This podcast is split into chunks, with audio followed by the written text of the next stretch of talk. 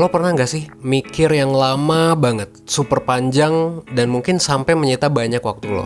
Tapi yang lo pikirin itu adalah sebuah hal yang gak jarang. Sebenarnya lo sendiri tuh sadar bahwa hal yang lo pikirin itu tuh berlebihan gitu. Bisa jadi lo memikirkan tentang hal yang udah terjadi di masa lalu, alias kejadian yang udah lo alami, dan lo kepikiran terus akan kejadian tersebut.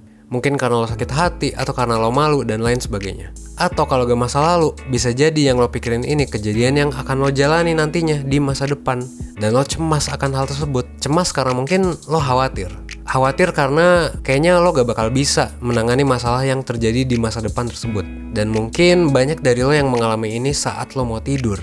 Ya, kepikiran terus hal-hal ini. Sampai malam banget. Padahal lo udah matiin lampu kamar lo berjam-jam sebelumnya.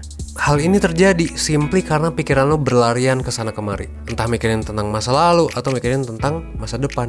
Dan yang lo lakukan buat meredakan pikiran itu, salah satunya adalah mungkin lo ngambil handphone lo dari samping bantal lo, lo buka sosmed bentar, taruh lagi handphone lo, tapi tetap aja lo gak bisa tidur gitu. Kedengarannya mungkin simple. Intinya sih susah tidur. Sederhana masalahnya. Padahal secara gak langsung kalau ini terjadi terus-menerus, berhari-hari, berminggu-minggu gitu, ini bakal ngeganggu istirahat lo dan pada akhirnya bikin kesehatan lo gak optimal. Alhasil, ini bakal ngaruh ke banyak hal. Salah satunya adalah produktivitas lo yang jadi gak maksimal.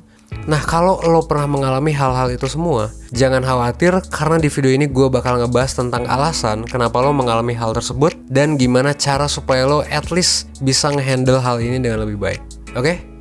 Nah, hal yang lo alami ini itu biasa disebut sebagai overthinking. Kalau bahasa Indonesianya ya arti simpelnya adalah kebanyakan mikir.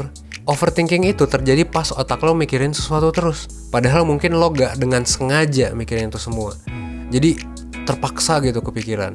Biasanya overthinking ini terjadi karena dua jenis pemikiran yang muncul Kayak yang tadi gue bilang ya Yaitu pemikiran tentang masa lalu atau pemikiran tentang masa depan. Misalnya, ketika lo overthinking soal masa lalu Kemungkinan ini terjadi karena ada sebuah penyesalan Yang belum bisa lo proses gitu. Lo belum bisa move on dari hal itu. Mungkin lo mikir hal-hal semacam Kenapa ya gue ngalamin itu dulu? gitu.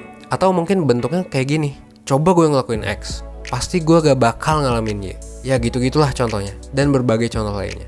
Nah, ketika hal ini terjadi, emang maksudnya apa sih? Nah, maksud dari hal ini, kenapa hal ini bisa terjadi? Ini bisa jadi adalah pesan dari otak lo bahwa ada sebuah masalah yang belum lo terima di masa lalu. Jadinya lo gak bisa move on dari masalah itu. Akhirnya kepikiran terus deh itu kan pemikiran tentang masa lalu. Kalau di masa depan gimana? Kemungkinan otak lo sedang khawatir atau cemas terhadap kejadian yang mungkin akan terjadi kepada lo. Jadi lo kayak takut gitu loh. Menurut gua, cara yang cukup ampuh buat mengurangi pemikiran-pemikiran ini adalah dengan menerima masalah yang telah terjadi atau menerima hal yang menurut lo akan terjadi di masa depan, apa pun itu. Caranya gimana? Tanpa sadar, kemungkinan ada banyak masalah yang masih nyangkut di pikiran lo. Dan bisa jadi masalah ini belum terselesaikan. Nah, yang menariknya adalah kalau misalnya ada orang nih yang nanya sekarang sama lo tentang masalah yang lo alami, tentang overthinking lo itu, kemungkinan besar lo akan sulit untuk menjawab masalahnya itu apa.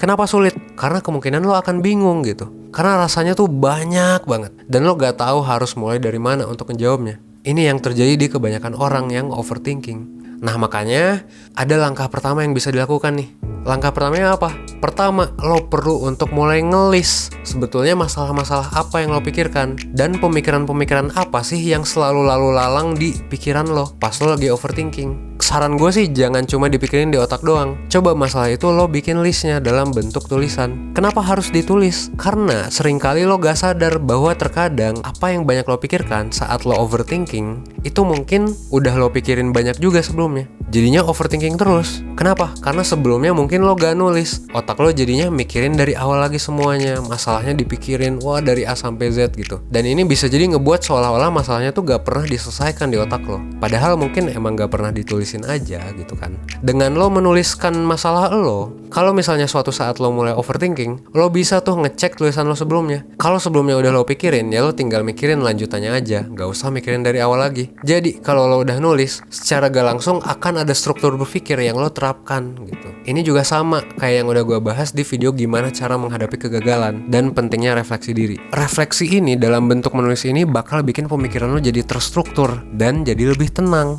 Menariknya gini, selain nulis ini bakal bikin pemikiran lo terstruktur ya, nulis ini juga dampaknya gini. Secara langsung kan lo memindahkan masalah-masalah lo yang menumpuk ke media lain tuh. Ya misalnya dalam bentuk tulisan gitu kan.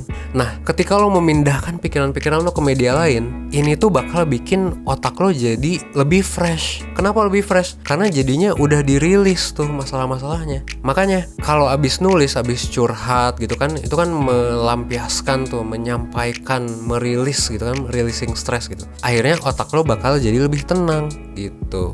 Terus tadi kan baiknya nulis nih. Terus format tulisannya kayak gimana? Nah, senyaman lo aja tulisannya, nggak perlu dibikin ribet. Jadi bebasin aja. Kalau gue pribadi, gue sih nulisnya di notes bawaan HP gue. Jadi kalau tiba-tiba gue overthinking pas malam-malam, langsung gue isi gitu. Isinya tuh biasanya adalah soal masalah apa aja yang gue pikirin saat itu. Kenapa pakai notes HP? Kenapa nggak ditulis aja? Karena ya biasanya sih gue overthinkingnya tuh pas lagi mau tidur. Dan karena di kamar gue itu barang yang paling deket ya cuman ada HP gitu. Jadinya pakainya HP tergantung banget lo mau pakai media apa bisa jadi mungkin lo cocoknya pakai laptop gitu kan buat ngetik gitu pakai atau pakai buku dan lain sebagainya intinya sih ya ditulis aja di mana pun itu karena media apa pun gak masalah dan sebenarnya ada juga sih cara lain yang efektif buat mengatasi overthinking nah salah satunya adalah mindfulness tapi mungkin itu bakal gue bahas di video sendiri nanti. Buat sekarang, lo bisa coba dulu metode nulis ini. Dan kalau lo butuh bantuan dari mentor 1% nih buat jadi teman ngobrol sekaligus menstrukturkan pemikiran lo, lo juga bisa ikut online mentoring 1% dengan klik link yang udah gue taruh di deskripsi. Jangan lupa follow Instagram 1% di @1%official. Jangan lupa juga buat like, comment, share, dan subscribe. Gue berharap semoga metode ini bisa ngebantu lo jadi lebih tenang dan ngebantu diri lo jadi lebih baik. Seenggaknya 1% setiap setiap harinya. Gue Evan dari 1%,